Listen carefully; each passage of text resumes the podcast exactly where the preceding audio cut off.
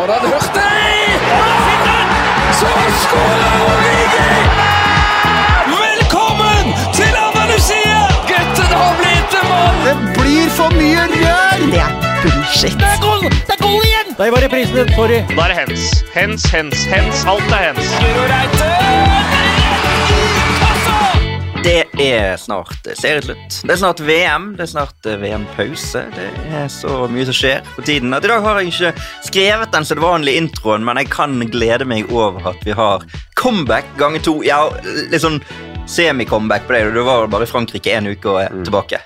Ja, men når jeg ser at du spiller en episode uten meg, så føler jeg nesten det er litt sånn som en utro kjæreste. Så det er godt å være tilbake igjen der jeg hører hjemme.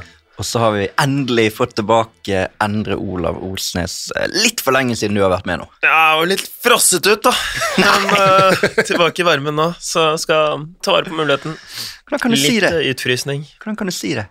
Det er deilig å være tilbake i såpass trygge rammer da, som å sitte her med dere to. Det er jo et slags eh, tillitsreir, eh, det. Så her kan det bli sagt eh, mye vilt eh, utover eh, denne episoden. Vi får uh, satse på det. Uh, mye vilt det er jo et bra stikkord for eliteserierunden vi nettopp har lagt bak oss. ja, For det var, det var ganske mye som skjedde, og enorme mengder mål, og mye å følge med på samtidig der uh, søndags ettermiddag. Ja, altså meg og Jesper vi sitter jo med alle kampene foran oss på noen skjermer inn på et lite rom der vi følger med på runden. Og vanligvis så er det jo eh, eh, noen kamper lørdag og en eh, hovedkamp som kommer senere, sånn at det er litt fordelt. Men nå er jo alt samtidig i disse siste rundene.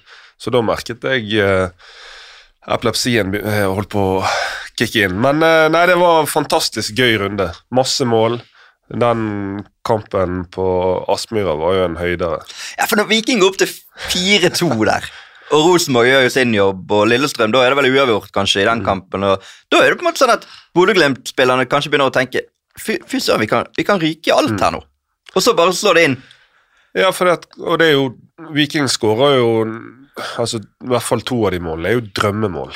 Løkberg plutselig med helflikk gjennom til Kabran, så setter han nydelig. Og så det frisparket til Kabran er jo et av årets beste frisparkmål. Så da begynner du å tenke sånn Er dette dagen når eh, alt skal gå for Viking som har slitt, og alt skal gå imot Glimt? Men så begynner bare det Glimt-maskineriet, anført av Hugo Vetlesen, og, og, bare spy ut eh, mål på, på løpende mål. Og det gjør at de fremdeles har uh, ettpoengsmargin eh, til Rosenborg i kampen om sølvet før siste runde. Og i og med at Lillestrøm endte opp med å tape i Ålesund, og de andre lagene gjorde jobben, så er medaljene ikke fordelt, men i hvert fall de to lagene som skal ha medalje, er fordelt. Og så skal jo Bodø-Glimt til um, Drammen møte Strømsgodset, som tapte 1-5 i Skien. Har mye å revansjere.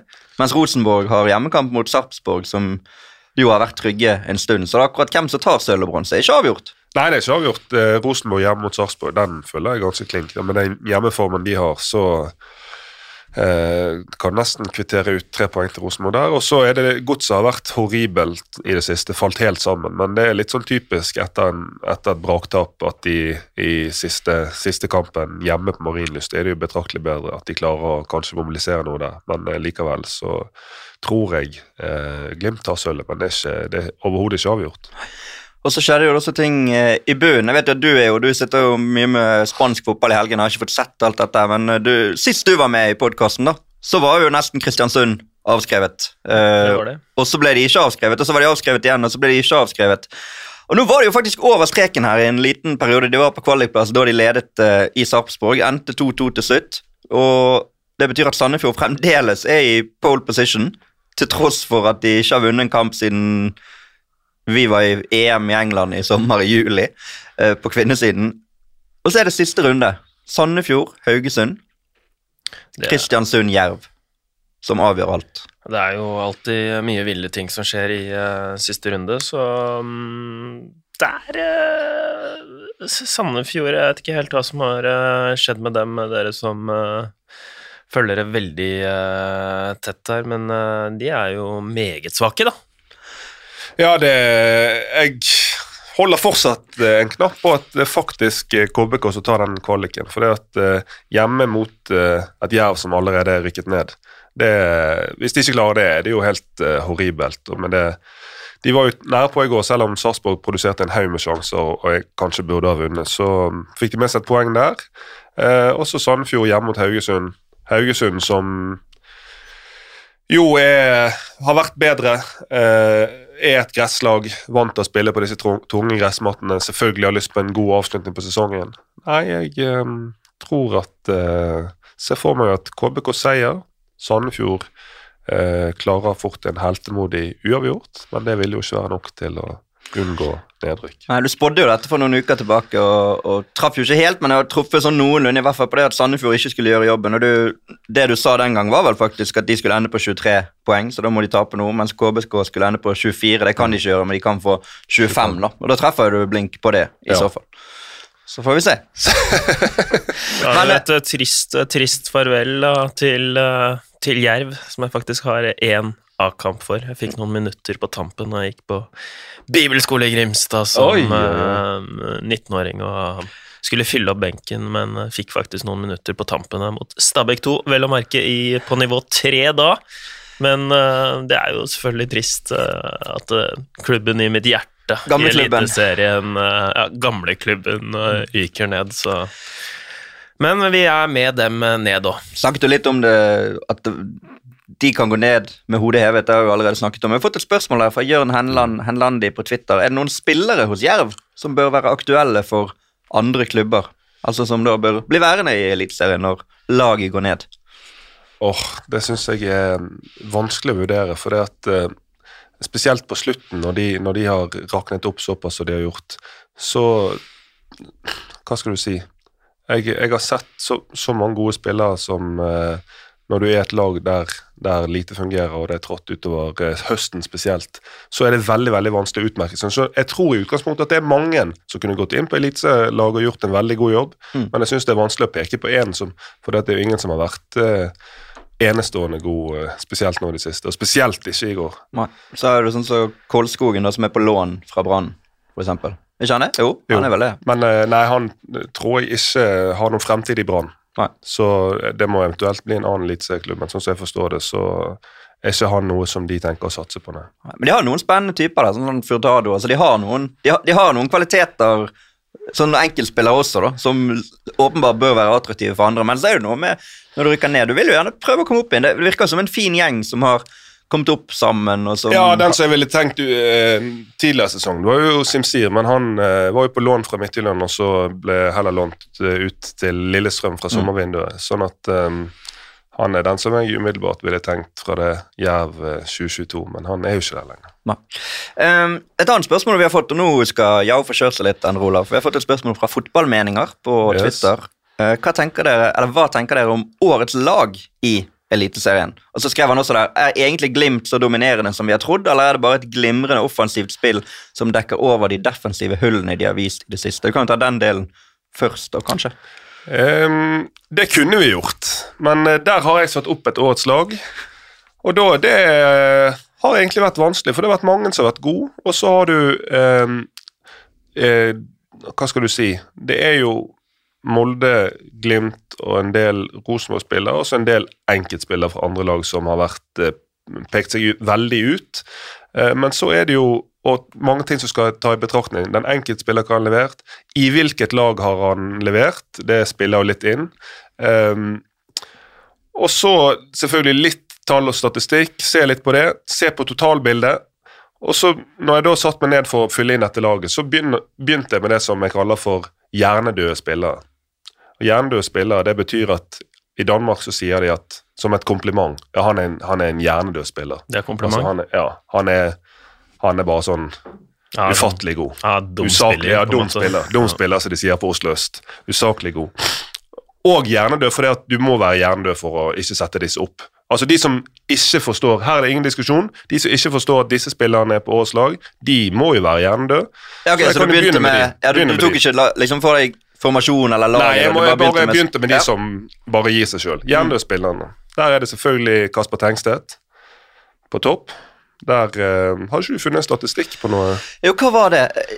At han var nå den mest effektive spilleren i, i norsk eh, Altså, det var en tweet jeg så i går. Ja, det var fra um, han Magnus Barstad, som er veldig god på mye, Ja. blant annet statistikk. Eh, han la ut en tweet at han skriver at Kasper Tengstedt nå har akkurat nå tidenes beste sesong per målpoeng i Eliteserien. 15 mål og 7 målgivende på 1111. Det er jo fascinerende tall, forresten. Minutter. Altså ett eh, målpoeng per 50,5, som da var bedre enn Kasper Junker 2020, Sinkernagel 2020, som hadde 56,1 og 60,5. Og du husker jo, der følte Ja, du at det var målpoeng hele tiden. Og det, og det er helt hjernedøde tall. Og så på toppen av det, så er det timingen på de målene. Veldig ofte har han skåret når kamper står og vipper, eh, og så dukker han opp. Han trenger så lite rom, så lite tid for å bli avgjørende for Rosenborg. Sånn at timingen, det han har gjort etter å komme inn, og ikke minst kvaliteten på målene, noen av de er jo selvfølgelig highlight reel. Så det er, den er bare helt steinklink. Så får vi håpe for Rosenborg og for norsk fotball at de klarer å beholde han. Han har jo i utgangspunktet en lang kontrakt, sånn at jeg tror ikke de når han begynte å bli veldig veldig god, tenkte at dette kan bli noe vi mister. Men nå har han rett og slett vært så god at vi får se om det kommer noen astronomiske summer, for det må det jo være for, for å kunne lokke han vekk fra Lerkendal. Mm. Eh, andre hjernedøde spilleren, det er Hugo Vetlesen. Det er liksom Vi så jo igjen i går. Rotten. Han eh, har ferten av både ost og mål, og mest mål, egentlig. Og vi så igjen i går, krona det med det som jeg tror er med vilje. Der han bare er i innleggsposisjon, ser at det er åpent i lengste kryss, tar rennerfart og bare skrur den perfekt opp i lengste. Han for tiden kan gå på vannet. Så han tror jeg dessverre forsvinner. Men eh, 16 Spennende er det vel et landslagsuttak i morgen til Ja, de to treningskampene. Der bør jo han kanskje være en kandidat. Eller en kandidat, det er han jo åpenbart, men Jeg syns han bør være med. Han, har en kval han har en del kvaliteter som passer godt inn, og si eh, Dette her er jo faktisk treningskamper. Etter Nations League kom, så er det jo veldig få av disse her rene treningskampene. Men dette her er jo faktisk treningskamper der ingenting står på spill. I Nations League eh, er det jo både seeding og ranking og disse Sånn at det her ville vært en perfekt anledning for en spiller som han. Og så tror jeg at uh, han Jeg tenker jo hele veien om Ødegaard skulle bli skadet, hvem er det da som stepper inn i, i den rollen? Tror jeg han kan være en type som kan gjøre litt av det Ødegaard gjør. Han, har- han har mer driv, han har mer fart enn man kanskje har trodd. Eh, Når du har sett han internasjonalt, så har han på en måte vist at ok, det funker faktisk her òg. Ja, og det er jo egentlig det én ting. Nå snakker vi om årets lag i Eliteserien, men jeg er jo nesten enda mer imponert over hva han har prestert eh, på sitt beste i Europa. Det er vel kanskje det eh, som veier tyngst for Ståle hvis han tar han med nå i denne omgangen. Så det er de to hjernedøde. Også som en sånn Nesten inne på den hjernedødlisten òg, så har jeg med Sivert Mannsverk for Molde. Jeg har stilt opp lag i 4-3-3, men det er litt flytende formasjoner. Folk får spille der de er best. En del av disse lagene spiller med tre, tre bak og sånn. Men eh, Sivert Mannsverk, eh, holding, han eh, Det er jo vanligvis et, ikke et kompliment når du sier at en spiller kan ta ned tempoet på kampen, men det han gjør når han får ballen, er at det ser ut som han tar ned tempoet på alle rundt seg. Alt går saktere rundt ham fordi han ligger hele tiden noen steg foran, og han ser ut som han gjør. Ser ut som han har spilt Han ser ut som en sånn spiller som har vært ute, spilt på høyeste nivå, fortsatt er sulten, fortsatt er i god fysisk forfatning, så kommer han tilbake igjen og bare er på en annen hylle. Eh, sånn at Det er jo det de beste, beste der ute gjør. Mm. De styrer jo tempo. styrer totalt. Men å gjøre det i en alder av den han har, så det er jo det som er forskjellen. Sant? det er det som er forskjellen, Mm. og det er det som gjør at han òg eh, veldig, veldig fort eh, blir solgt. Mm. Um, sånn at da har vi tre. Um, og så har jeg eh, Kanskje litt overraskende å ha en desidert toppskårer, men som òg noen vil muligens være uenig i. Men i, i en verden der mål eh, avgjør kamper, så har jeg med Amahl Pellegrino. 24 mål, 10 assist. Han er og det, dette mener jeg som en kompliment, jeg har sagt det før. Han er en snylter i den forstand at han ligger litt og jukser. Han, han, han, han Hva skal du si? Han er, det er andre på Glimt som gjør en større grovjobb, men han vet nøyaktig hvordan han skal posisjonere seg for å få maks ut av den grovjobben de har gjort. Fantastisk eh, smart og, og ekstremt god avslutter.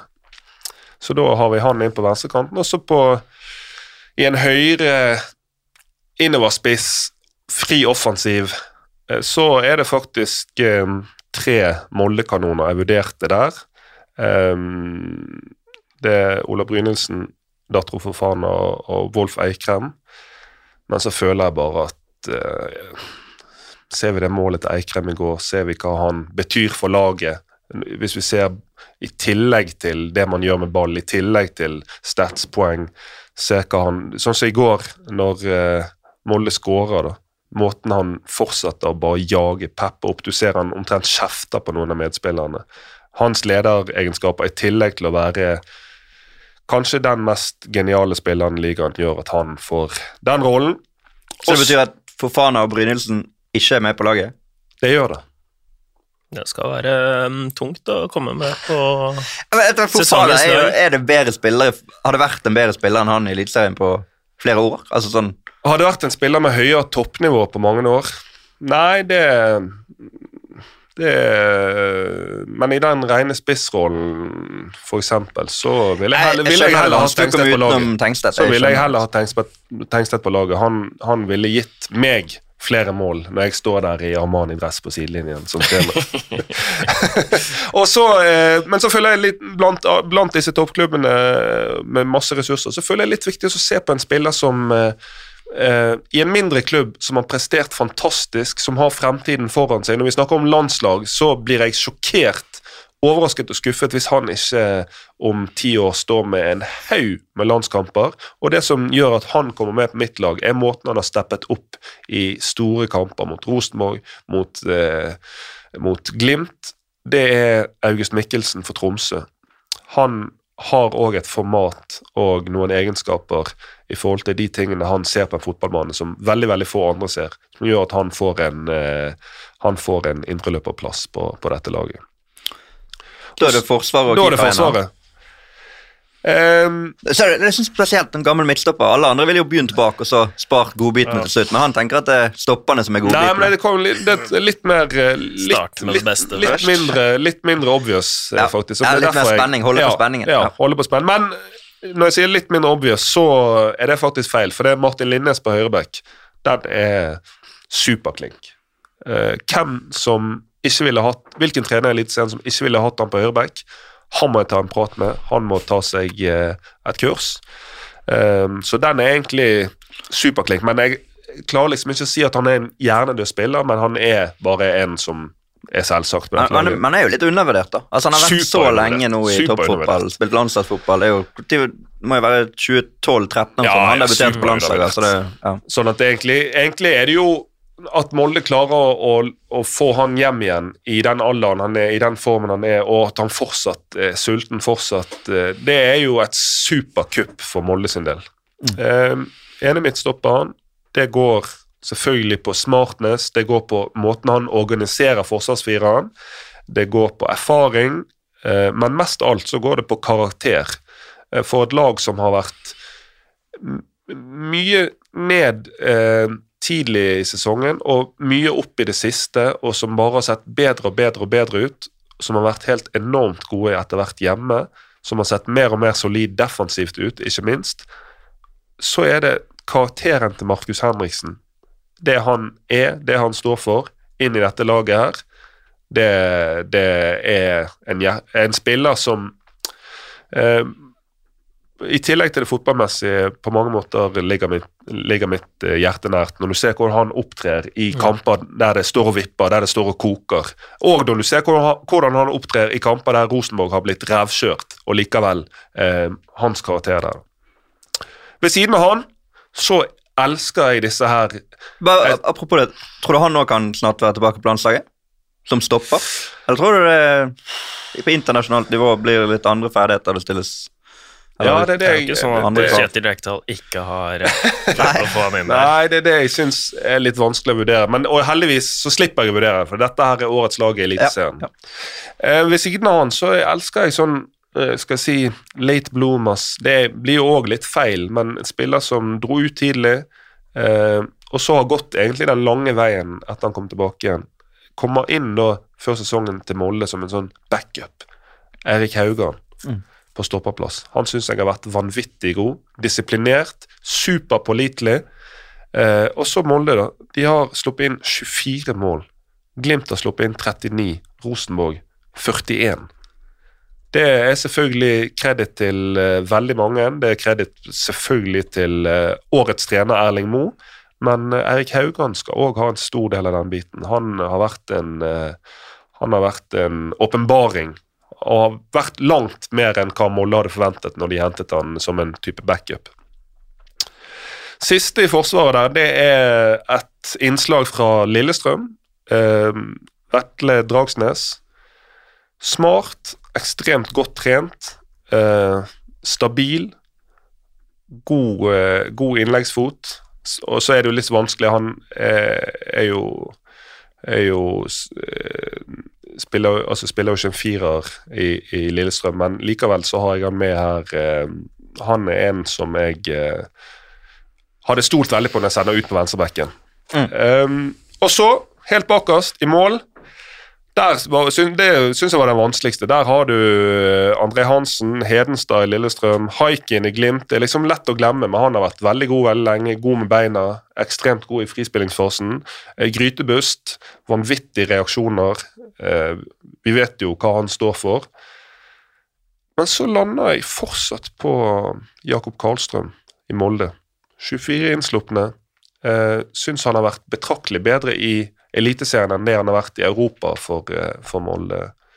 I hvert fall hvis vi tenker helt nylig. Men det som Jeg tror at det er andre keeper Hvis du sitter noen keepertrenere ute som ser kanskje rent keeperteknisk at det er andre keepere som er skarpere, men når jeg ser hans rekkevidde med beina eh, og, og det han kan legge til til mitt spillende lag her, så har jeg landet på han. Og så selvfølgelig det med 24 innslupne og nå 16 seire på rad for Molde. Mm. Den syns jeg er vanskelig å komme utenom. Ehm, og så trener da Erling Moe. Cupmester. Suveren, soleklar seriemester. Brukbar eh, Conference League eh, så langt. Eller, ja Ja, blir det det når de ryker ut? Nei, det blir jo Men i hvert fall ikke Jeg syns de har vært Jeg synes de har vært eh, Om ikke uheldige, men så syns jeg de har vært De har vist et bra toppnivå på det nivået også. Så har de vært litt for eh, et litt for lavt bunnivå. Mm. Eh, og så er det selvfølgelig en haug med spillere som eh, honorable mentions, men dette er det laget jeg har landet på. Og Da ender du på fem fra Molde, to fra Glimt, to fra Rosenborg, én fra Lillestrøm og én fra Tromsø. Mm. Da er det jo på en måte en grei fordeling. Altså Ja. Det må være såpass når Molde har vært så overlegne, tenker jeg da. Det må det. Jeg syns det var en eh, fin, eh, fin liste.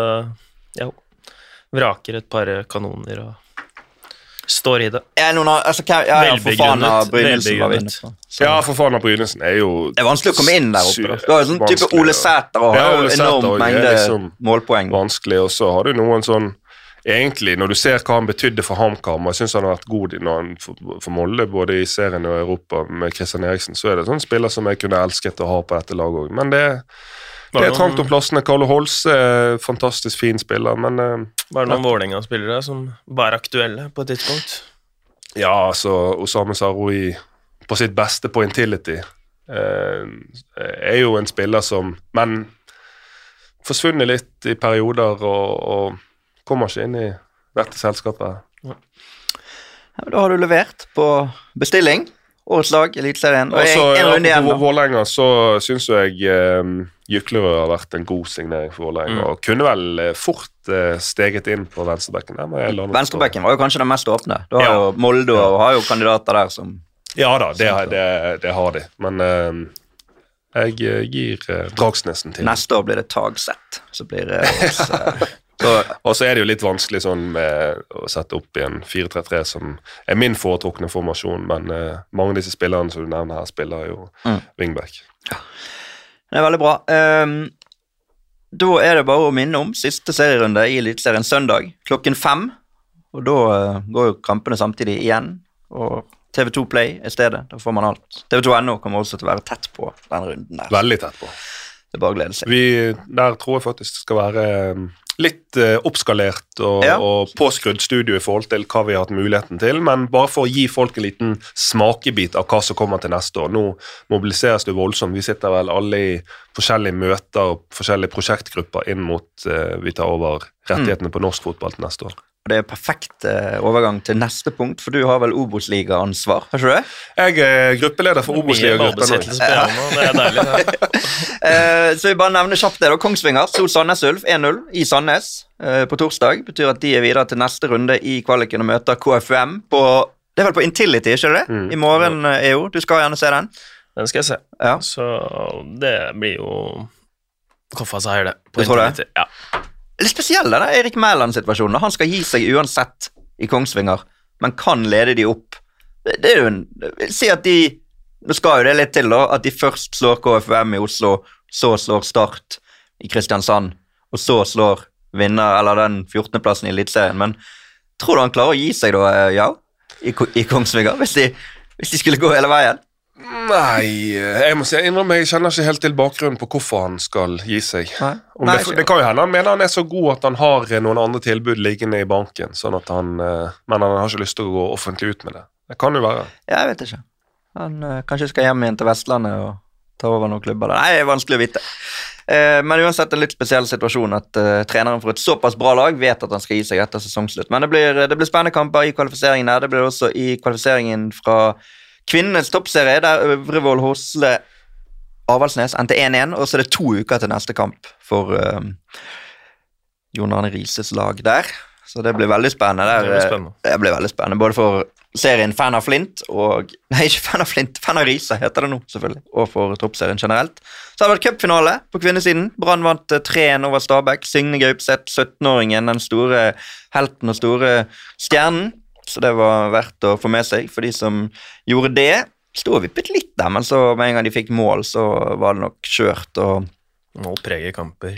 ja, det gjør det. Og Brann uh, har preget eliteserien, uh, toppserien, veldig denne sesongen. Vinner the double for første gang. Tuve Hansen hil- hilste på kongefamilien, som hun glemte i fjor. Og denne gangen var det kronprinsen og kronprinsessen som var der. Men hun holdt på å gå rett forbi Carl Petter Løken, generalsekretær i Norges Fotballforbund. Så det kunne blitt en ny sånn Tuve Hansen snakkes, men hun klarte å unngå, unngå det. Eh, nå er det sånn at Vi spiller inn dette mandag morgen, eh, og det er en Champions League-trekning i dag. Det er liksom vanskelig å spå en trekning, men det, det kan jo bli noen skikkelig godbiter der i Champions League. Og Du var sjøl og så Tottenham eh, sikre avansementet. Og sikre gruppeseieren òg, det kan jo bli veldig viktig. Det er jo litt sånn den der eh, Blir du nummer én eller to i gruppen, hvem kan du få? For nå er det Tottenham, De kan jo da få PSG, som klarte å bli nummer to, men bortsett fra det, så er jo det for disse førsteplassene i utgangspunktet lettere trekning enn for de som blir nummer to.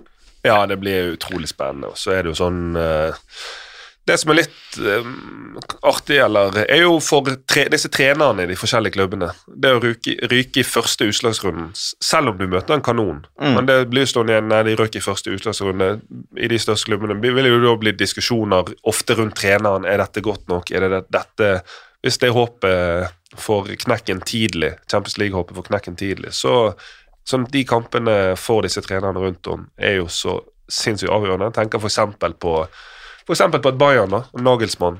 Røk eh, kvartfinalen i fjor mot Villarreal. Fiasko. Ja. Og, Jo, men sånn møter du da PSG. Ja, sant. Og de vinner, ja, ja, de vinner Bundesliga, og det gjør de jo eh, Kommer de til å gjøre i år og etter alle solmerker. Eh, men, men likevel, om du møter PSG første utslagsrunde, og de ryker Mm.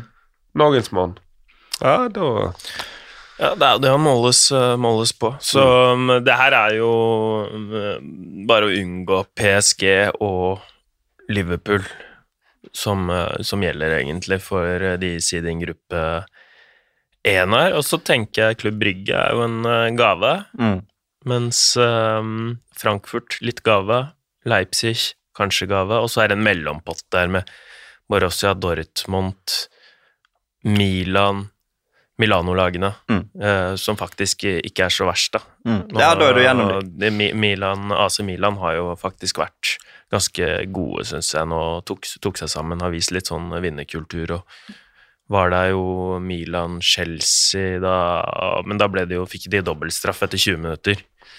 De fikk jo utvisning Mm. og straffe imot, så den kampen ble litt ødelagt. Men fram til det. Jeg, jeg tror de kan overraske litt, da. Eh, Begge de, egentlig.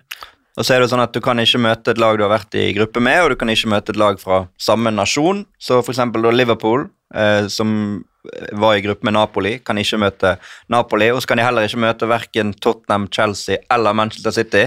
Så for, jo- så for Liverpool sin del er det jo 50-50. Enten får du Porto eller Benfica, eller så får du Bayern eller Real Madrid. Så det, det er stor forskjell. Men de får jo Porto. De får jo alltid Porto. Så det, akkurat det er jo ikke så spennende hvem Liverpool får, for de får jo Porto. Ja. Men for de andre lagene så er det jo litt spennende. Men sånn personlig så håper jeg Kan dette være året der vi får litt uforutsigbarhet? Der I vi trekningen? Nei, Nei, nei. ikke, ikke i trekningen, men i, i uh, videre rundene. Er dette året der vi plutselig får et Napoli som går til en semifinale, f.eks.? Noe Det sånt. vil jeg tro det eh, er gode odds på nå, så gode Ja. som de har vært. Ja, så noe sånt. eh, Eller hele veien til finalen. Hele veien til uh, pokalen. Så egentlig den uforutsigbarheten i Champions League uh, Nå har det jo vært uh, siste Hva blir det, da? Åtte, syv-åtte årene ekstrem Real Madrid-dominans. Mm. Eh, Liverpool har vært i finalen en del ganger. Sånn at det da å få inn en sånn skikkelig Tottenham var jo outsider, da. Gikk Ja, til finale. det Leipzig Det var var vel i en semifinale. Så. Ja. Men jo da, jeg ser poeng. Via Real var i semifinale i fjor. Ja. Bare trekker Og det, det, er jo, det, er jo, Vi husker jo det. det rekken til uh, Emery og Villarreal i fjor. Det er jo det som uh, syns er gøy i en, i en turnering der de største gigantene bare blir relativt større og større og større og rikere og mektigere. Det er jo det er noen lag som må gjøre det bra, som du er inne på. Det er Bayern München, Mm. uh, og så er det PSG, da. De har vært gode Altså, de ryker jo alltid, og er ett år de kom til finalen, og da, det var jo Ja, det var jo de to. Så de er litt sånn bubble fraud, uh, som de bruker i NBA, da, de som var gode under pandemien, når det ikke var noen tilskuere og sånt. Da var jo Neymar og PSG Da var jo de fantastiske. Men eh, de har fortsatt til gode å vise det når det, er, når det koker, da, på arenaen. Mm. Og nå har de muligheten. Messi, Neymar, Mbappé De har vært fantastiske i gruppespillet. Men de klarte å bli nummer to, da. Vanvittig Utrolig nok, ikke sant? Veldig typisk, da. Veldig typisk P P PSG. Så, men jeg, jeg har en eh, stor del i meg som eh, unner Neymar junior å skinne. Men så er jeg, eh, sånn i forhold til Messi, og kanskje òg litt i forhold til Neymar, så tror jeg at de setter VM så sinnssykt høyt, og de har spisset formen. Neymar har gjerne kuttet ned på festingen nå inn mot VM, eh, og de har sett ekstremt skarpe ut, ja, men òg veldig sultne ut. Altså De ser ut som de er på hevntokt, eller på, på tokt, i hvert fall. Så jeg er litt spent på å se til våren når VM er historie, og får vi se hvordan det går der med dem, men eh, hva hvor landet ligger da for, for deres del. Ja, nei, hvis Neymar tar VM, da er han, da er han verifisert igjen som eh, Mål og målgivende i går Stor. mot Men da er jo, er jo han fort verifisert på nattklubben i Paris og som er- verdensmester. Da er det ikke sikkert vi får se samme sylskarpe utgave i Komboen, i komboen Brasil vinner VM og PSG vinner Champions League, det utelukker du fullstendig. Nei da, det skal ikke gjøre. det kan ikke jeg gjøre. Eh, nei, men det er bra. Vi, vi nevnte at du har vært i La Liga-modus i helgen, eh, Endre Olav. Ja, Tenkte vi skal vippe oss litt over der. Uh, og ingen norske mål denne helgen heller. Men uh, Sørloth ble kåret til banens beste Mm. uh, mot Valencia. De ble redusert til ti mann, så han eh, var eh, meget sterk på topp der. Mm. Brøyt og gjorde jobben og var et beast i den eh, matchen der, selv om han ikke skårte mål. Så, så det jo Det tar vi med oss. Men hvordan vurderer du eh, sånn eh, med Sørloth er jo en vanskelig posisjon i forhold til landslaget. Vært veldig god eh, eh, på klubblag, men eh, hvor, altså hvis du var Ståle, da, du, hvilke vurderinger ville du gjort med rundt Sørloth? Nei, ja, han er jo selvfølgelig ikke førstevalget eh, på topp der, men eh, han kan jo spille litt uh, ute på siden eller rundt, eh, rundt eh, Haaland òg. De er jo to stykker der ofte, eh, på topp der i Real Sociedad, så de to sammen er jo kaos, egentlig. ja, ja jeg føler liksom sånn uh, Han jo en Han er jo sinnssykt lagspiller, for landslaget, selv om han da av og til havner helt ute i en type kantrolle. Men jeg føler jo at Jeg vet ikke om jeg skal ikke begynne å snakke om formasjonsendringer og sånne type ting, men jeg føler at det å se han skvist ut på en kant, spesielt med den formen han er i nå, det er litt som å ha indrefiletkjøtt i en gryterett, på en måte. Det det. Hvis det gir mening. Men eh, når vi snakker om eh, landslaget, lookaliken uh, din der eh, som spilte MLS Cup der, tapte Ja, finalen vi skal komme litt tilbake Ja. til det etterpå, men uh, det kan være en tease Ja, til en tease. hva vi skal videre til. Um, Sørloth og Sociedad har vel eh, Sevilla borte til helgen. Det er vel på lørdag? Nå ble jeg litt Så, usikker. Så, så var det jo. Sevilla-derby i går. ja. Den vi tar med oss. skulle, Ja. skulle si, og der har vi også fått et spørsmål. Eller det er jo på en måte mer et generelt spørsmål, men du kan ta litt kampen først, og opplevelsen av det. Ja, jeg var jo eh, på Sevilla-derby uh, i fjor, og det, det, er det, det er det feteste Det er den feteste matchen man kan uh, være på, nesten, i Europa. Det er jo Hva var det Guillem Ballagé, han var i studio og sa 10 i- av befolkningen i Sevilla har sesongkort enten på um, Ramón Sanchez Pijuan, da, som er Sevilla sin hjemmebane, eller eh, Benito Villamarin, da, som er Real Betis sin. Mm. så det er jo Før kampen der er jo hele byen. Det er jo en sånn gatefest. El Clásico er jo vilt, det òg, men, eh, men da er jo ofte veldig mye Madrid-folk, eller veldig mye Barcelona-folk. Så hele opptakten er jo, og så har de sånn der sceneshow nå, hvor der kommer en sånn live-fiolinist og live-saksofonist, da. Ut på, det, er, det burde folk gå inn og, og se, for det er, det er helt eh, rått. Og så ble det jo Det var en meget spesiell match, fordi eh, eh, Real Betis eh, de spilte jo overtall. De, Sevilla fikk en utvist der, og så scorer Real Betis i overtall 11 mot 10. Og så klarer de utrolig nok da å legge inn en twist der, da. Da kan de jo kon kontrollere igjen, så klarer de utrolig nok å bli redusert til ni mann, da. Fra 1-0 og 11 mot 10 Fikk eh, mistet hodet der. ja.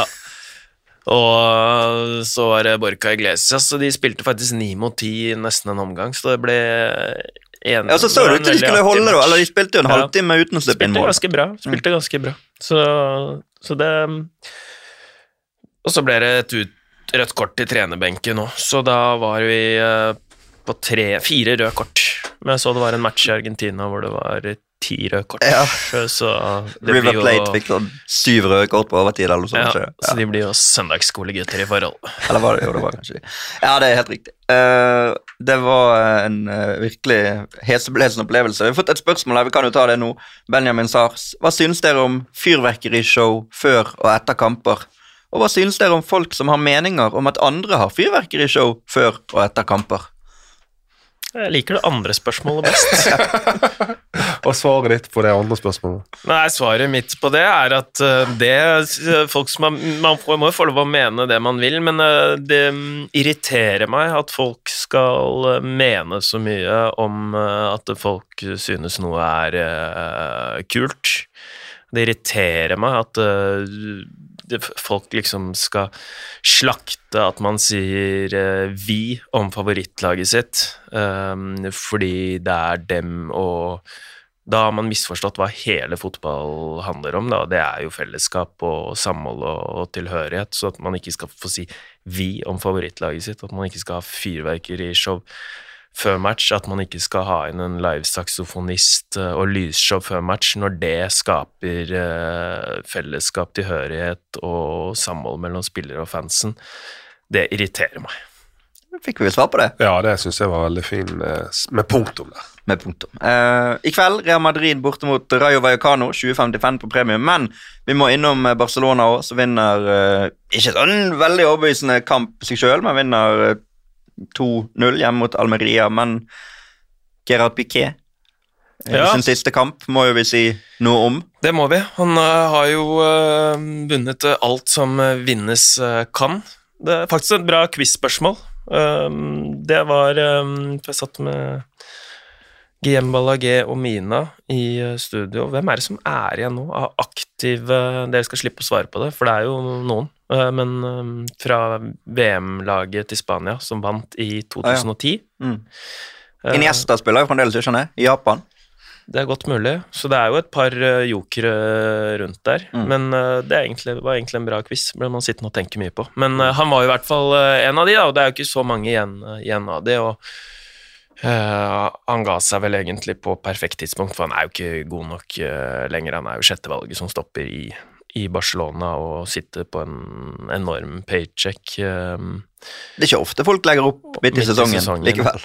Nei, så hadde han muligheten da, til å gi seg på topp, mens Ja, han da, så det fortsatt, fortsatt går ut der. Han, han gikk ut der, mottok en enorm hyllest, og eh, har vært litt kontroversiell, så han har nok mista litt spillere, lag, tidligere lagkamerater øh, på veien. Det ser man jo. Det er jo ikke alle de han har spilt med før, som har f.eks. vært ute og hyllet han på sosiale medier, som kanskje ville vært naturlig, da. Um, så, men nå fikk han gitt seg på topp, og det er ganske mange i Barcelona som ikke har fått den Mm. avskjeden uh, der, da.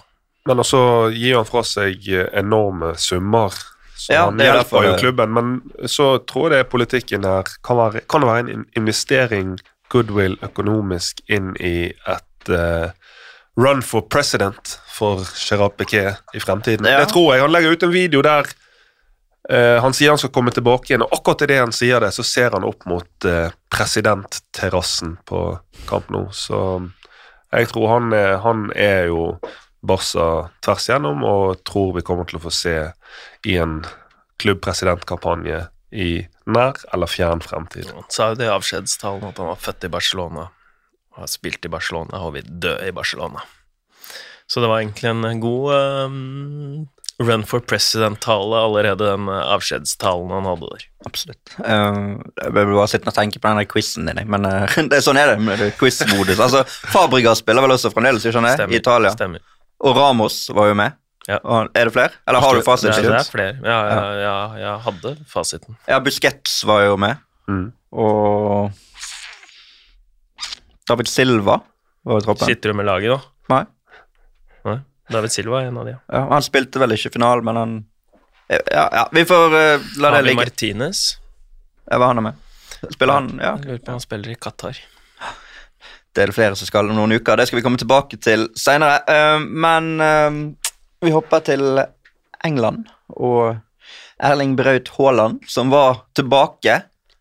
Og med sitt 18. mål for sesongen så tangerte han den norske rekorden for antall skåringer i en og samme Premier League-sesong. Og vi er i november. Ja. Det har vært en del skada òg. Han har ikke spilt Nei. alle minuttene nå i det siste. Nei, det er jo òg et poeng. Og så Det var vel det minst overbevisende målet, eller straffeskåringen han skåret nå i helgen. Det var, eh, Der var han litt heldig. Men samtidig er det han som får ansvaret. Han setter den langs bakken, da. Ja. Han setter den langs bakken, han setter den ikke i keeperhøyden, så han gir seg selv eh, sjansen der. Selv om straffen ikke var den beste. Akkurat godt nok, da. Mm. Mål er jo mål. Hadde vært be det er bedre det enn å skyte han i tverrlegger ned. Og så lurer jeg på Enig. den Aguero-feiringen der, om det var noe han hadde tenkt på på forhånd, eller om det var spontant, eller Det blir jo noen kule stillbilder som kan settes side ved side til Aguero eh, sin historiske feiring når de, når de vant seriegullet. Så uttalte jo at han var nervøs. Litt overraskende at han Før straffen? Ja. Ja, men det uttalte han jo før, eh, før eh, han tok Sverige. mot Sverige. Straffen, straffen der òg. Og det tror jeg er viktig påminnelse til alle spillere, og egentlig alle som hører på, at eh, de blir nervøse, disse største spillerne òg. Det er bare det at de, De har ikke. kanskje en bedre måte å håndtere det på enn andre, og så viser jo idrettspsykologien at de, de største og de som lykkes best, de ser på nervøsitet, spenning, den type ting som, som noe som ikke er farlig, Mm. og, og klarer å bruke det Dette er jo ditt område, men eh, jeg, jeg har jo lest litt uh, forskning på det sjøl. Det kommer kanskje fra noen av dere i ditt uh, fagmiljø, men uh, at det er en sånn følelse av engstelse da, eh, hos nesten alle som Mm. går fram og tar straffe i en viktig situasjon. Da. Ja, det, det der å anerkjenne den følelsen når han kommer, istedenfor å prøve å flykte og prøve å tenke på Nei, men det, er ikke, det, det fins ikke. Prøve å, komme inn på Det å anerkjenne at nå er jeg nervøs, men det gjør at jeg er forberedt. Det gjør at jeg er påskrudd og klar. Jeg vet at jeg er god nok til det. Anerkjennelse er uh, viktig. Det, um, Ja, så viser det at han er menneskelig òg, da. Det er jo også en grei ting å få reminder på. At men han er bør ikke en han si det, for nå veit neste keeper? At han er nervøs. Eller bør man skjule det, eller Jeg liker jo at han sier det. Nei, jeg tror at han ufarliggjør det veldig med å si det. Jeg, var, jeg er nervøs når jeg skal ta avgjørende straffer. Hvem er ikke det? Han, han er ærlig med seg sjøl og, og gjør det mye lettere å håndtere. Dagens lille hyllest av hullet. Jo, men det er fint, det. Ja, men eh, Absolutt. Veldig bra. Um, han har da skåret 18 mål på 950 minutter i Premier League. Solskjær hadde 2221 minutter, så det er jo ikke sånn at han han spilte ikke 38 kamper for Manchester United den sesongen. Det blir vel sånn rundt 25 cirka eh, på den gamle rekorden. da, så klart at Den blir jo maltraktert denne sesongen her, men sånn er det jo. Um, Jørn Henneland spør får Gabriel Jesus for mye tyn for å ikke skåre, når man ser alt annet han gjør for Arsenal. Vi har jo snakket litt om han tidligere i høst, men Arsenal er jo der. Ja, men jeg synes det er en perfekt overgang for Haaland. For det er på det spørsmålet Han har vært en fantastisk god spiller for Arsenal. Han er aktiv. Han er, er kanskje en av de mest bevegelige spissene i verden, Gabriel Jesus, altså. Eh, og, og får jo blir jo mye mer involvert for Arsenal enn det han ble for City. Så Den spissrollen i City er jo veldig spesiell. Der kan du, du ser på antall touch på Haaland, og der kan du bli stående uten å være involvert i en halvtime. Sånn at Det ser ut som han passer bedre til Arsenal, Arsenal passer bedre til han. Men vi ser på den eh, Er det en heading, eller kaster han seg fram med foten? En heading. Han kaster seg fram. Akkurat står han og viser akkurat litt for sein, litt for kort. Og det er jo sånn, Den har sett av Haaland. Mm. Og da, i de situasjonene, det har vært noen sånne situasjoner, så blir det veldig tydelig at at i de, i de fasene, i de angrepene der det teller som mest når det kommer til avslutninger, så er han ikke på Haaland sitt nivå, men eh, jeg er enig med at eh, han Det er det veldig få spillere som er, så det har vært fantastisk Ja, rå i presset og Ja, ja, ja. oppbyggende spill og Definitivt. Så får han eh, så mye tyn da. Hvor mye mål er han på nå? Altså Tyn, altså det er vel mer det at han har historisk sett fått en del tyn. Ja. Altså, Ja, så synes jeg han har fått mange- jeg, føler nå han har fått mye skryt Ja, for faktisk, jeg synes det tingene han handler om mange, veldig veldig mangel på respekt når alt fra Phil Foden til Kevin De Bruyne sier at de har spilt uten spiss Ja. eh, i en haug med kamper der han har faktisk han har spilt. Han har fem ligamål nå denne sesongen for Arsenal. Så. Han passer jo som hånd i hanske og topper tabellen, så mm, Ja, 34 poeng, 13 kamper, 2 poeng foran City. Nå da 7 poeng foran Newcastle og til og med en kamp mindre spilt. 8 poeng foran Tottenham, en kamp mindre spilt. Elleve poeng foran Manchester United. Andre lag som har vært nevnt som utfordrere. 13 poeng foran Chelsea. 15 poeng foran Liverpool.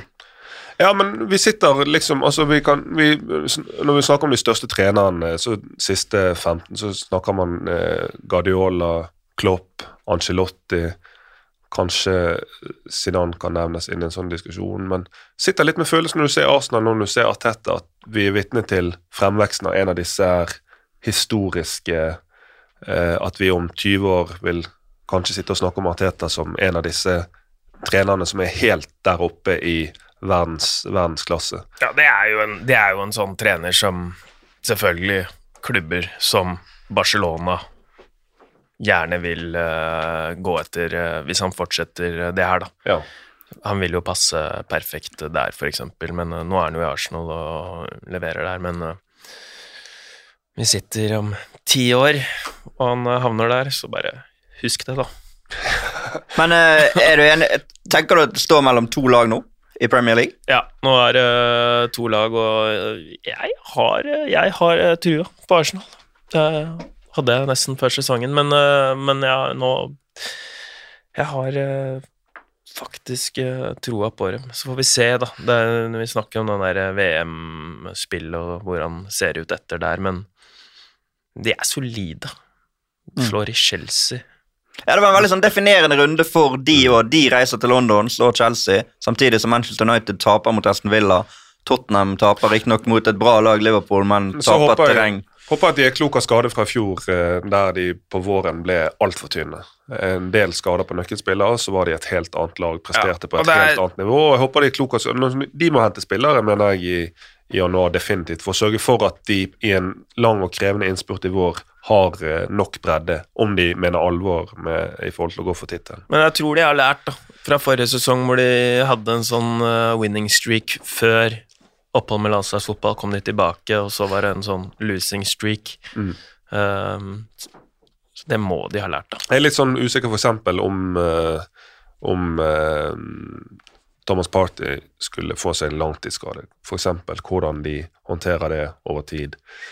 Så vi, det, det gjenstår å se. Men så syns jeg, bare for å kvittere ut eh, den Chelsea-Arsenal-kampen, syns jeg det, og når vi snakker om Arteta Chelsea med en Aubameyang som da sitter eh, og ser på dette her som foregår, og syns det er kult å se hvor tøff Arteta som en ung trener. Kaptein. Det er jo, vi kan jo alle se det på den All, no, all or Nothing med Arsenal. Aubameyang levde ikke opp til de standardene han har satt for en prestasjonsgruppe, opp til den kulturen. Ut med han. Helt knallhard. Du ser jo til og med Edu og disse her eh, sjefene i klubben var litt sånn der Shit, dette er, eh, er, det viktig, er det virkelig nødvendig å ta så hardt i? Men ut med han. Og så er Elneny ute nå i et intervju og så sier at det han gjorde der, det satte en støkk i oss, resten av spillerne. Hvis treneren kan bare kaste ut kapteinen på den måten der for å ikke holde standard, for å ikke leve opp til kulturen vi ønsker, så viste det overfor alle andre at her er det ingen kjære mor i forhold til det.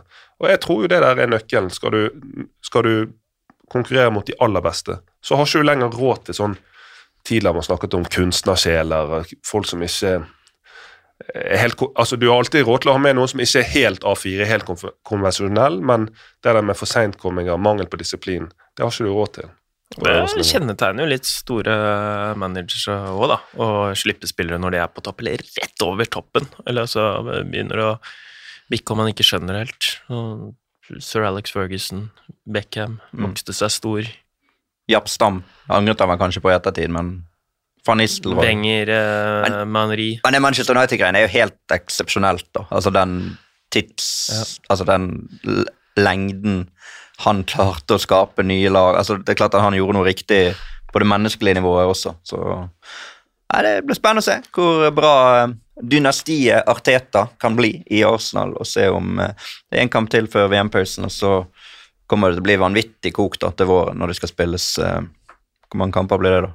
24 kamper fra Boxing Day begynner de allerede. Det blir jo stort, det. ja, det blir, det blir vanvittig. Um, det gjør det. Vi har fått ett spørsmål til fra Premier League der. Martin Salbu, som nevner Leeds med to sjuke kamper på rad. Kan da holde til fornya PL-kontrakt? Kaos i forsvaret og ungdommer som blir redningen framover. Det er jo sånn at uh, Leeds dro til Anfield og slo Liverpool, og nå uh, så det ut til at de skulle bli sånn klassisk uh, lag som har gjort det kjempebra, og så dummer de seg ut i neste runde hjemme mot Bournemouth og Plutselig sto det 1-3 på Ellen Road der, men de snudde det og vinner altså 4-3. Blant annet Sam Greenwood kommer inn og skårer mål. Um, Somerville, som skåret på Anfield, skårer igjen. Og et par av de ungguttene, sånn Aronson og sånn, skikkelig bra trøkk i de, altså. Mm. Leeds er et gøy lag å se på, som nøytral. Ja, de, eh, de er seg selv like, de. Ja. Så vi må, må ha de der. Og så liker jeg han um Jeg hentet det vel fra Zürich, italiener Wilfred Gnonto. Mm. Han er ikke høyekaren, men uh, kommer inn til pause og er, er sånn kraftpakke. Veldig morsom å se på, syns jeg. Så han eh, 19 år bare. Spennende. Så om de kan Ja, holde da seg vi ja. landslagsdebuten Ja, Nations League. Nations League, da. Det, det er moro også med, med Nations League, bare så at det er Det er uh, nevnt sånn som uh. Fikk Mm. jeg sett for to år siden, Mm. eh, for Georgia mot Spania. Skårte mål, og da har man de på radaren. Så Gnonto Vi den i Vi la den i banken da. Vi gjorde det. Det blir jo ikke noe eh, VM på han i og med at uh, Italia ikke skal spille VM, men uh, kul spiller. Kan bli, kan bli veldig, veldig god. Absolutt. Eh, vi skal ta med litt fra andre ligaer også. Tyskland. Der dro serieleder Union Berlin til Leverkosen og fikk 0-5 i hatten. Jeg vet ikke om du så hvem som sto i mål for Union Berlin i den kampen, eh, ja. Det var Lennart Grill, som eh, har en historie i norsk fotball, og han gjorde en skikkelig brøler der, blant annet. Men eh, Jeg sier ikke at det var hans skyld at de tapte 0-5, men eh, det var iallfall han som sto der, som gjør at både Freiburg og Bayern München er forbi de på tabellen. Bayern, som eh, vant eh, solid igjen, har nå eh, virkelig hevet seg i hjemlig serie, har eh, fire strake seire. Denne gang ble det en ja, komfortabel, eh, kan vi vel kanskje ikke si, men en sterk 3-2-seier borte mot Hertha Berlin. Men altså 13 kamper Union, de har jo hatt en fantastisk Ja, ja, start på sesongen. Ligger på tredje, 26 poeng. Og så i går igjen fra start Ryerson. Torsby ute etter en time, Ryerson hele kampen. Men det er nordmenn. Vi, vi har snakket om Premier League, to øverste lagene. Vi snakker om to lag som eh, Det er two horse race nå. Det er Ødegaard kaptein for Arsenal, det er Haaland som er spydpissen til City. Her drar vi til, eh, til eh, Bundesliga med Ryerson og Thorsby som er flying high. Ikke akkurat i går, men eh, Alexander Sørloth, man of the match for Sociedad. Jørgen Strand Larsen kom ikke innom, men eh, han har vist gode takter som helter. Sånn at jeg syns eh, det er så mange grunner, det har jeg sagt før, jeg gjentar det gjerne, men det er så mange grunner til å være optimistisk i forhold til det norske spillere leverer om dagen. Eh, Jeg skal bare kjapt før vi runder av den Bundesliga der. Hvem har nå skåret i syv kamper på rad for Bayern München? Og har ni mål på de siste syv kampene. Vi snakket om han forrige uke når ingen av dere var her. Musiala. Erik Maxim Choupo Ja, ja, selvfølgelig. Ja, Det er så sykt, det. Selvfølgelig. selvfølgelig. Han har, gått, altså han, han har liksom fått en sånn fullstendig renessanse. Og det er jo fullstendig altså Det er helt under radaren, men det, det er helt sånn surrealistisk å se de tallene han leverer nå. Ja, han er jo bare sånn uh, hentet kun for å spille andrefiolin. og i- Han er på en måte en slags andrekeeperrolle. Han har vært i PSG og Bayern München, uh, så det er litt sånn surrealistisk. Uh, For eksempel da, når uh, Barca møtte Bayern München, så går da Lewandowski målløs av banen, mens Choupo-Moting Ja, ja. skårer mål for Bayern. Men, men å få en sånn type rolle, sånn andre keeperrolle, eh, her snakker vi om utespiller, i Men du går kun mellom de aller største klubbene. Det er jo litt fett samtidig. fett. ja. Så han har, alltid tenkt han har hatt en god agent, men eh, da er det, da er det noe han har der. Men hva er, da er det gjerne Barcelona som er neste, da, for han. Så Må jo bli det. Han må jo samle litt klubber. Ja, ja. Man må jo ta med seg de eventyrene når man kan det. Absolutt. Eh, Du nevnte tidligere her eh, Jakob Glesnes, som Ja. du mener jeg ligner litt på. Ja, ikke bare litt. Nei, ja, men det er greit. det. Som uh, vi var inne på forrige uke, så skulle de møte um, LAFC Yes. i MLS-finalen. Og det ble vel skissert et scenario der en gammel helt kom til å avgjøre det i Los Angeles sin favør, og det var akkurat det som skjedde. Gareth Bale kom innpå, utlignet ni minutter på overtid i andre ekstraomgang. Så det ble straffekonkurranse. 3-3 endte det. For en clutch-spiller eh, Gareth Bale er. Ja, ja. Han er helt enorm, og han kommer til å bli eh, kanskje en av VMs største gavepakker å følge med på. For det han gjør for Wales, er jo helt vanvittig. Mm. Sånn, Han bærer jo det laget. ja, han gjør det. Og om han nå kan gjøre det igjen for en siste gang etter minimalt med kamparena i USA, vet ikke. Nei, jeg vet ikke. Det er, det er jo noen uh, Last Dance-gutta i VM nå. Det er jo Messi fra Argentina. Eh, Cristiano Ronaldo. Ronaldo er jeg skeptisk til hva han kan få til for Portugal. Har ikke sett skarp ut for United, men eh, De våkner, de våkner. en uh, Hvem er det? Thomas Müller? Han gir seg jo På sin siste dans for Tyskland der uh, Nei, det er noen uh, Det er noen vi skal ta avskjed med på den største landslagsscenen i år. Eh, apropos det og stor landslagsscene. jeg vet ikke om dere så det målet til Lukas Podolski i helgen? Sett det på sosiale medier? Nei. Han spiller jo i Polen nå. Pogon mot Gornik Sabrse. Han spiller for bortelaget der. Ballen bare ute på litt inn på egen halvdel der, og så bare bang! Sånn 60 meter. 65 meter sikkert. Bare klink i mål. Det er sånn vi, mulig vi fikk jo aldri snakket noe om han Jakob Glesnes, da. Nei. Han er jo Han var jo på årets årets, forsvarsspiller. ja, årets Mm. forsvarsspiller i, uh, i MLS. spilt hvert eneste um, minutt. Som, eh, det er ikke Det er selvfølgelig Det er jo ikke Kanskje den eh, villeste ligaen, men det er, ikke, det er jo ikke noe sånn bakgårdsliga, det. Den er bedre enn eh, mye, mye annet. Og Ja, når du spiller- for det laget som vinner, eller kommer Ja, til finalen. Philadelphia Union var Spiller jo overlegen. på naturgress, eh, som Solbakken er glad i òg, da. Vil ha litt naturgress-spillere Mm. i rekkene, så mm, han må jo på landslaget nå, og det er jo på stoppeplass man har etterlyst eh, litt Har vært innom en tropp eller to. Sånn Kalt inn som reserve der på tampen i det Men ingen har eh. A-landslagsdebut. Nei, han har ikke spilt, nei. Det har han nok ikke. Uh, men da har vi vært innom han. Uh, så skal vi også innom uh, et innlegg som jeg vet at du likte på Twitter der, som uh, Andreas Seipajärvi tagget oss i, men det er Marius Helgå som har lagt det ut. Han skriver til oss diskuter gjerne denne fra Marius Helgå. Et nydelig stykke arbeid. Og Det er da en kretsvis rangering av alle lag i de fem øverste divisjonene i herrefotballen, som Marius Helge og han er det bare å gå inn og følge på Twitter for de som interesserer seg for det som skjer nedover i divisjonene. Det er ganske godt håndarbeid der. Utrolig godt håndarbeid. Og så blir det veldig oversiktlig. Fantastisk fine fargekoder. Ja. Eliteserielagene er da markert i rødt, Uh, Obos-lagene er i uh, oransje, Post Nord gult, osv. Uh, og så er det jo sånn, uh, du ser nedover, selvfølgelig f.eks. Oslo går jo den kolonnen helt ned, for det er jo en stor by og mange lag. Rogaland har mye. Um, og så satt jeg og tenkte, det jeg satt og tenkte på når jeg så dette, her, er at det er veldig uh, liten sammenheng mellom egentlig Hva skal du si Bredden og topp. Altså, du kan ha sinnssykt mange breddelag. Du kan ha ganske tett med brukbare lag under de fremste, uten at det gjør at de eliteserielagene er overlegen i Mm. Så satt jeg og tenkte på, er det sånn at For du tenker jo talenter, spiller med kvalitet, hvordan de kan sluses opp gjennom den pyramiden, opp til toppen. Hva er det, hva, hva tenker dere er det ultimate, om du har en by av gjennom, altså en, Ikke Oslo, ikke Norges største by, men en by av gjennomsnitt. Hva er det optimale setupen for å få flest mulig gode fotballspill, produsere flest mulig gode spillere og et bra eliteserielag?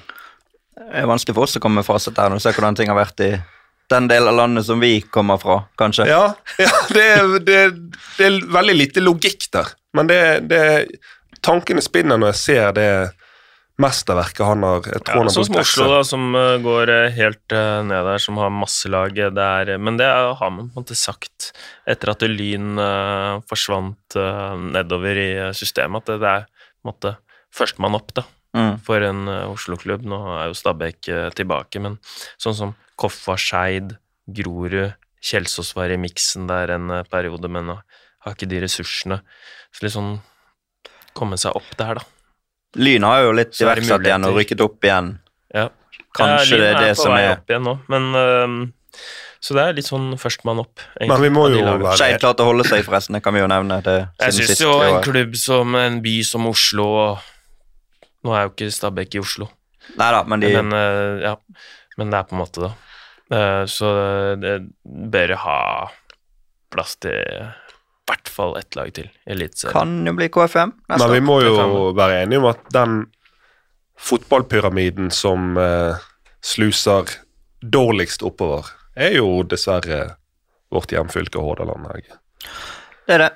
Det er Nå rykker vi- jo Brann opp, og vi får et lag i, men likevel så er det Når du ser antall landslagsspillere som produseres fra Hordaland de siste 50 årene, så er det et eller annet som ikke stemmer, som ikke gir mening i forhold til eh, klubber, i forhold til befolkning og i forhold til eh, sluttprodukt, som da, hvis vi tenker at det er kvalitetsspillere til landslagsnivå.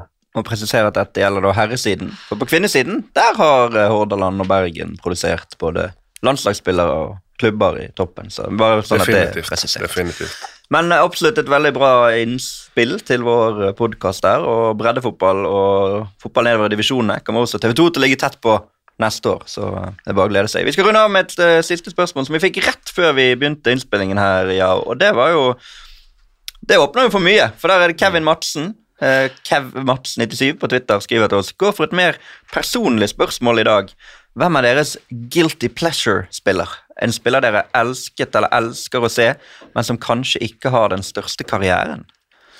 Og det er jo mange, sannsynligvis. Da vil jeg si uh, Luis Muriel på Atalanta, som er en uh, slags uh, den originale Ronaldo-spiller.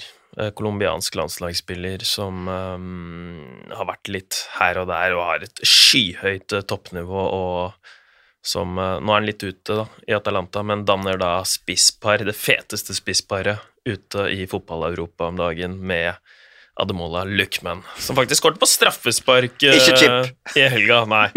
Så det er uh, min guilty, guilty pleasure-spiller og guilty pleasure-spisspar. Louis Muriel og Ademola Luckman på topp der for Atalanta. Det er, det er en så fet duo. Eh, For min del så er du en spiller som ikke spiller lenger, hvis jeg skal tenke eh, som har spilt, har spilt i Norge. Kan begynne der.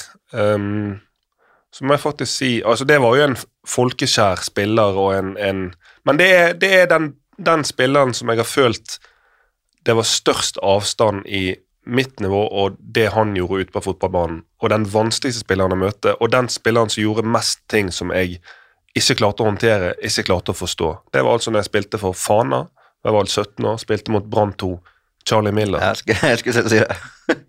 Det var eh, en skjellsettende opplevelse å spille mot han. Det var på Brann stadion. Og måten han tenkte, tingene han gjorde, umulig å gå i han. Han hadde jo en solid eh, potte, som vi sier i Bergen. En solid rumpe som han bare brukte til å kaste meg unna. Nei, det var, eh, det var helt sykt. Kom, kom aldri i nærheten. Vi tapte vel 6-0, 6-1, og, og gikk hjem og tenkte at bare Det fins et annet nivå der ute. Um, sånn at det, Men han er jo liksom sånn helt i Brann. Huskes med kjærlighet av mange bergensere, men det er liksom ikke noe som Han ble ikke det han skulle bli. Jeg hadde skrevet opp han òg. Ja, ja. Eh, han var jo eh, hvis, hvis du ser Det finnes faktisk et arkiv, gamle Champions League-kamper og sånn. Ser Rangers Mm. fra sånn seint 90-tall. Charlie Miller sammen med Gessa og Brian Laudrup. Mm. Og han er liksom dominerende. Han er lett i steget. Han har de samme kvalitetene, bare han er yngre og lettere.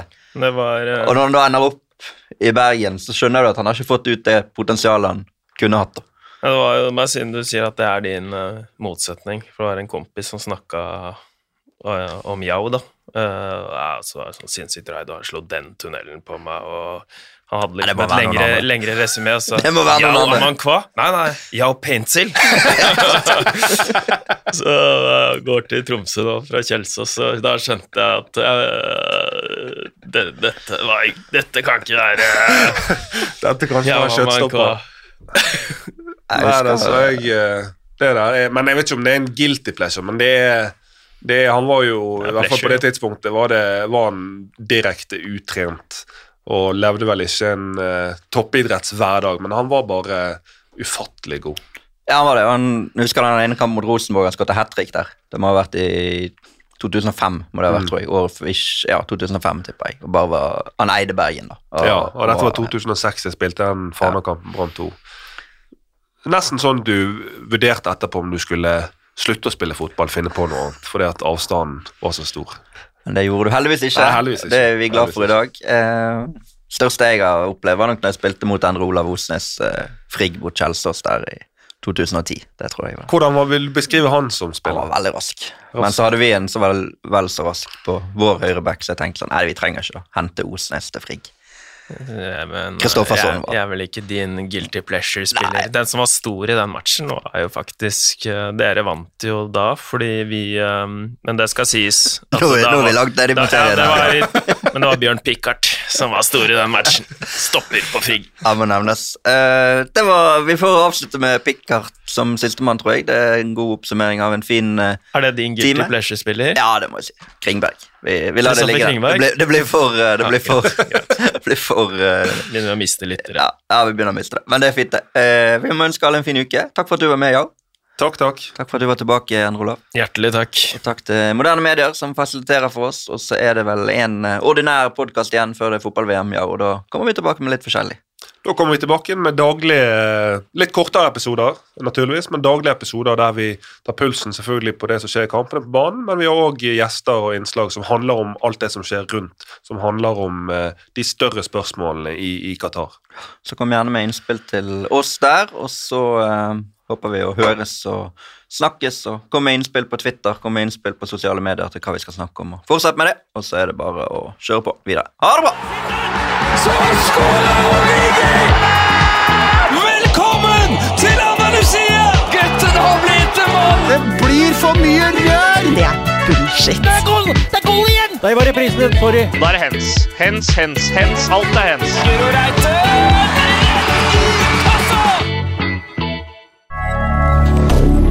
Moderne media.